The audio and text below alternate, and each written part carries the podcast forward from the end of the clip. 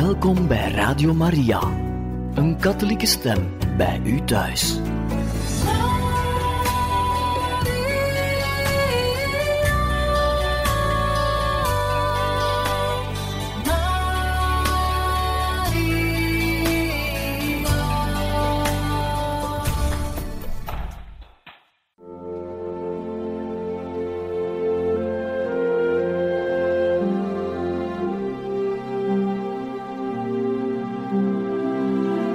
Beste luisteraars van Radio Maria, welkom bij het programma Catechismus. Een overweging bij de geloofschat van de kerk.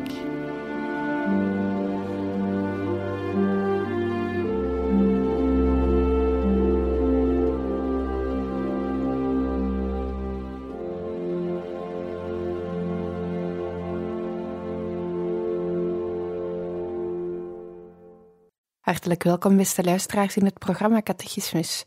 Vandaag kan u verder luisteren naar bezinningen bij de paasverhalen volgens het Johannesevangelie, gebracht door Pater Gerard Denis.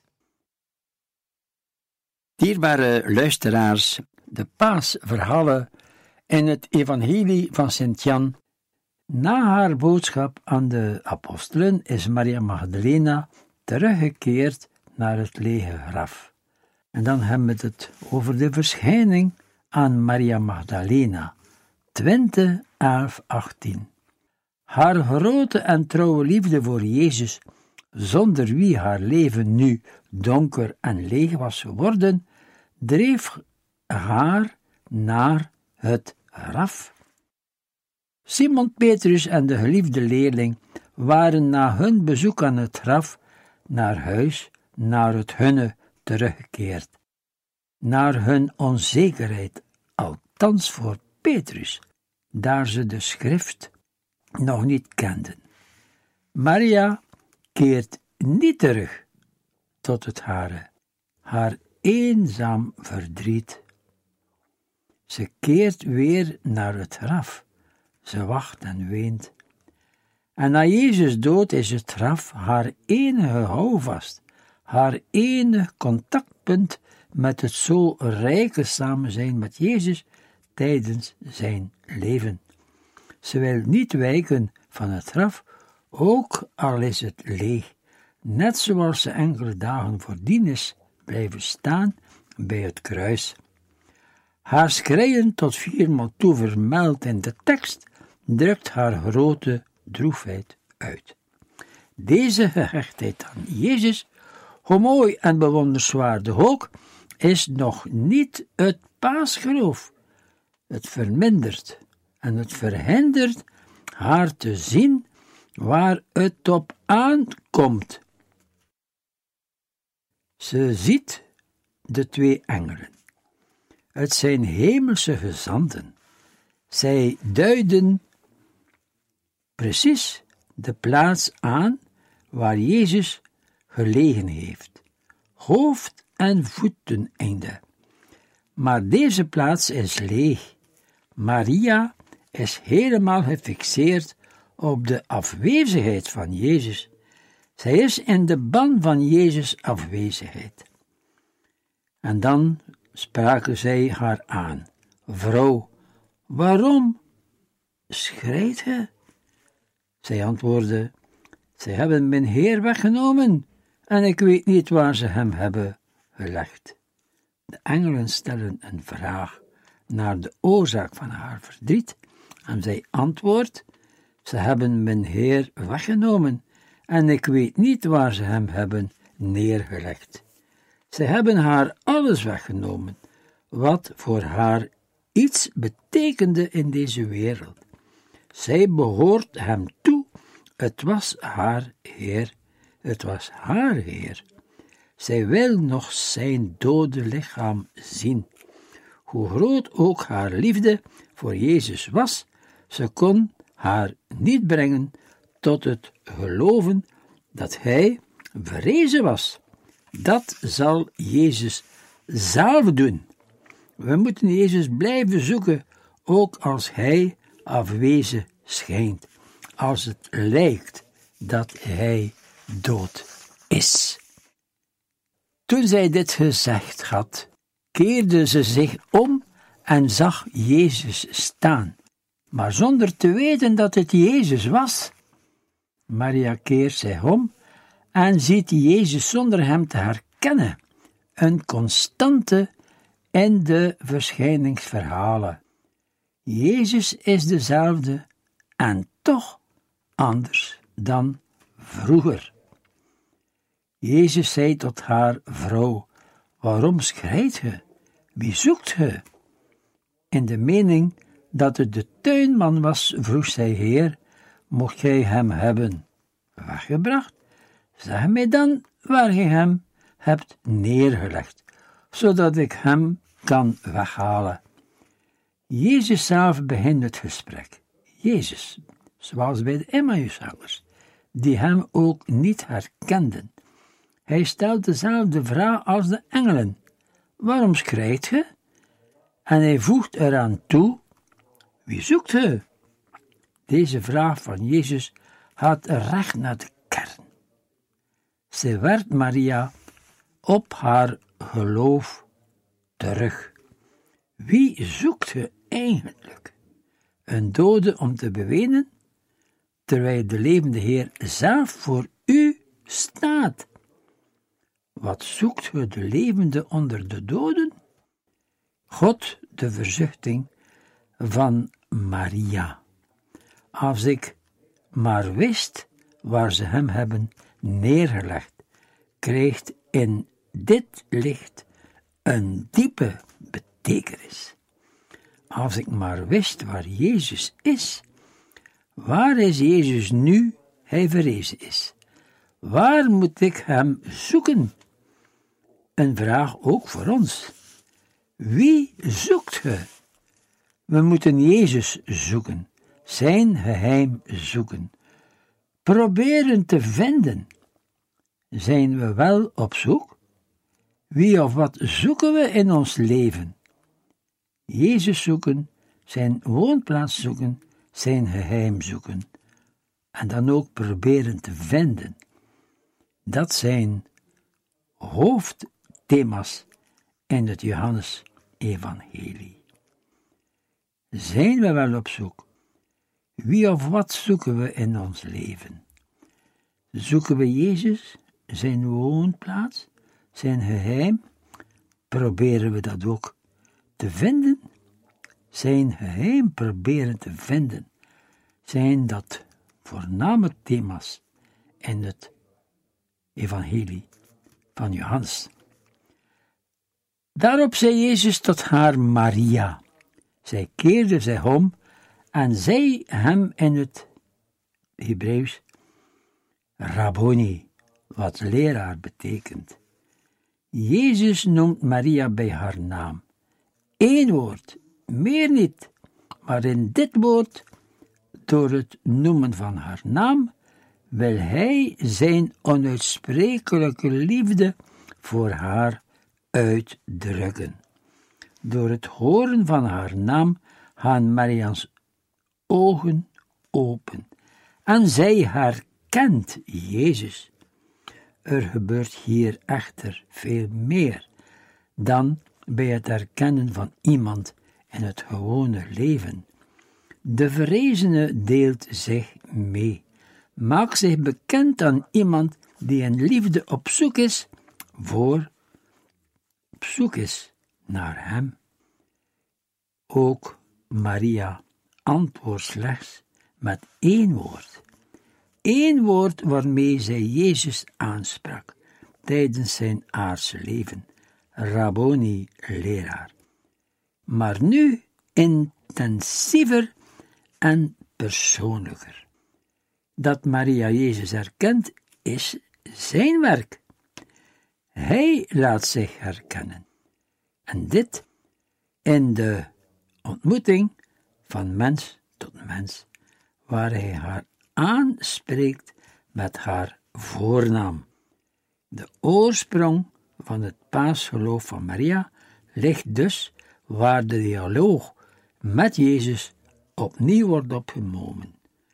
Nu weliswaar met de vrezen Heer. Dialoog die Jezus begint.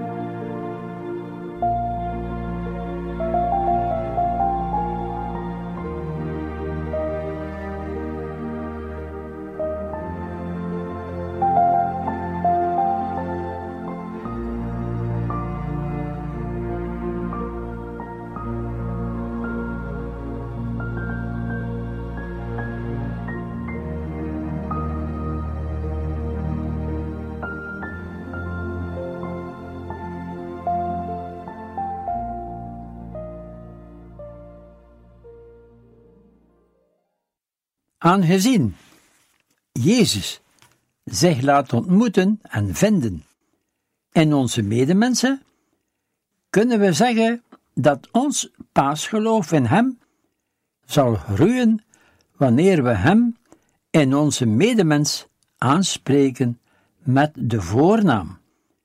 Wanneer wij aandacht hebben, begrip en waardering, liefde voor de persoon zelf, dan gebruiken we de voornaam. Je zijt voor mij iemand. Je moogt er zijn zoals gij zijt.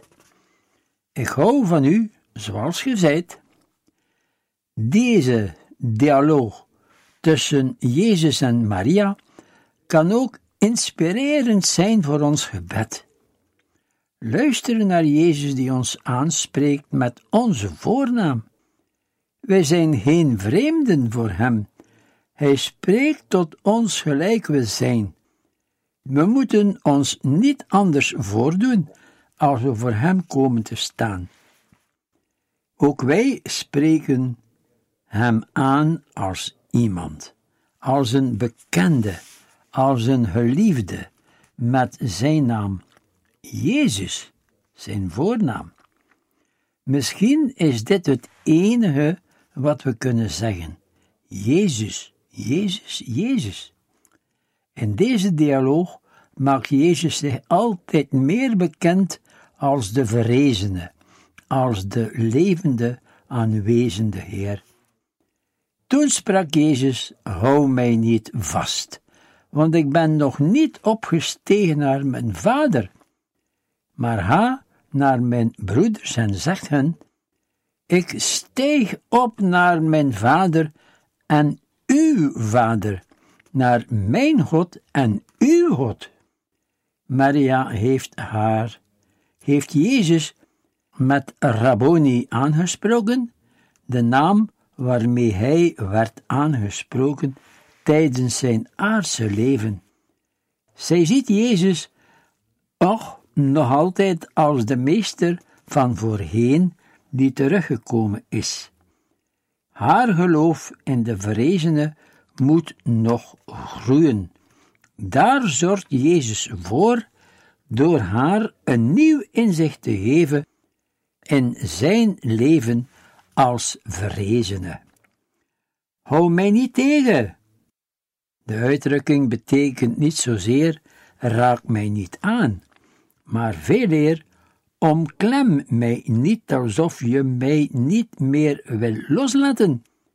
De vrezen Heer ontmoeten is immers niet simpelweg de Jezus van het verleden in gedachten en verlangens.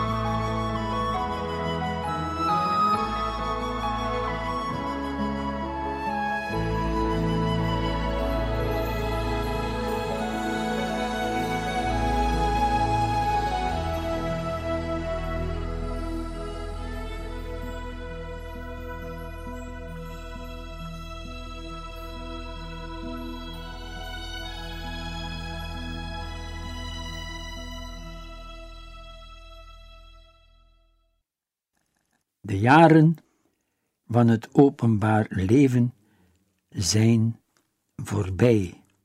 Als motivering zegt Jezus dat hij opstijgt naar zijn Vader. Zeg aan mijn broeders en zeg hun: hier openbaart Jezus zijn diepste geheim, zijn echte woonplaats. Van bij de Vader gezonden heeft hij zijn hele leven gewerkt en gesproken in verbondenheid met de Vader. Zijn diepste geheim, zijn echte woonplaats, is bij de Vader zijn. In de verrijzenis keert hij naar de Vader terug. Daar hoort hij thuis, daar is hij ten volle de Heer. Aan Jezus' broeders moet Maria gaan zeggen: Ik stijg op naar mijn Vader. Dit moeten we verstaan vanuit die andere woorden uit de afscheidsrede 14.1.3. Daar zegt Jezus dat hij naar de Vader gaat om daar een plaats voor hen te bereiden en om hen op te nemen waar hij is. Aan de leerlingen moet Maria gaan zeggen dat het uur van opgaan naar de Vader nu is aangebroken voor Jezus en dat Hij voor hen een plaats bereidt. In plaats van vast te houden, moet Maria leren loslaten. Ze moet in geloof leren aanvaarden dat Jezus haar ontsnapt, op het ogenblik dat ogenblik zelf dat zij hem bij de herkenning heeft gevonden. Paasgeloof houdt altijd een voorbij laten gaan, een loslaten in. Het gevoel van Jezus aanwezigheid wordt ons soms ontnomen. Perioden van dorheid. Blijven geloven in Zijn aanwezigheid. Hij zegt het ons, ook als gij mij niet voedbaar kunt vasthouden, hou ik u altijd vast, ook wanneer hij het niet waar wordt. Geloof dit zonder te zien of te voelen. Maria Magdalena ging aan de leerlingen berichten dat zij de Heer gezien had en wat hij haar gezegd had. De verschijning van Maria Magdalena wordt afgesloten met de vermelding dat zij op Jezus woord naar de leerlingen gaat om te zeggen dat zij Jezus gezien heeft en wat hij haar gezegd heeft.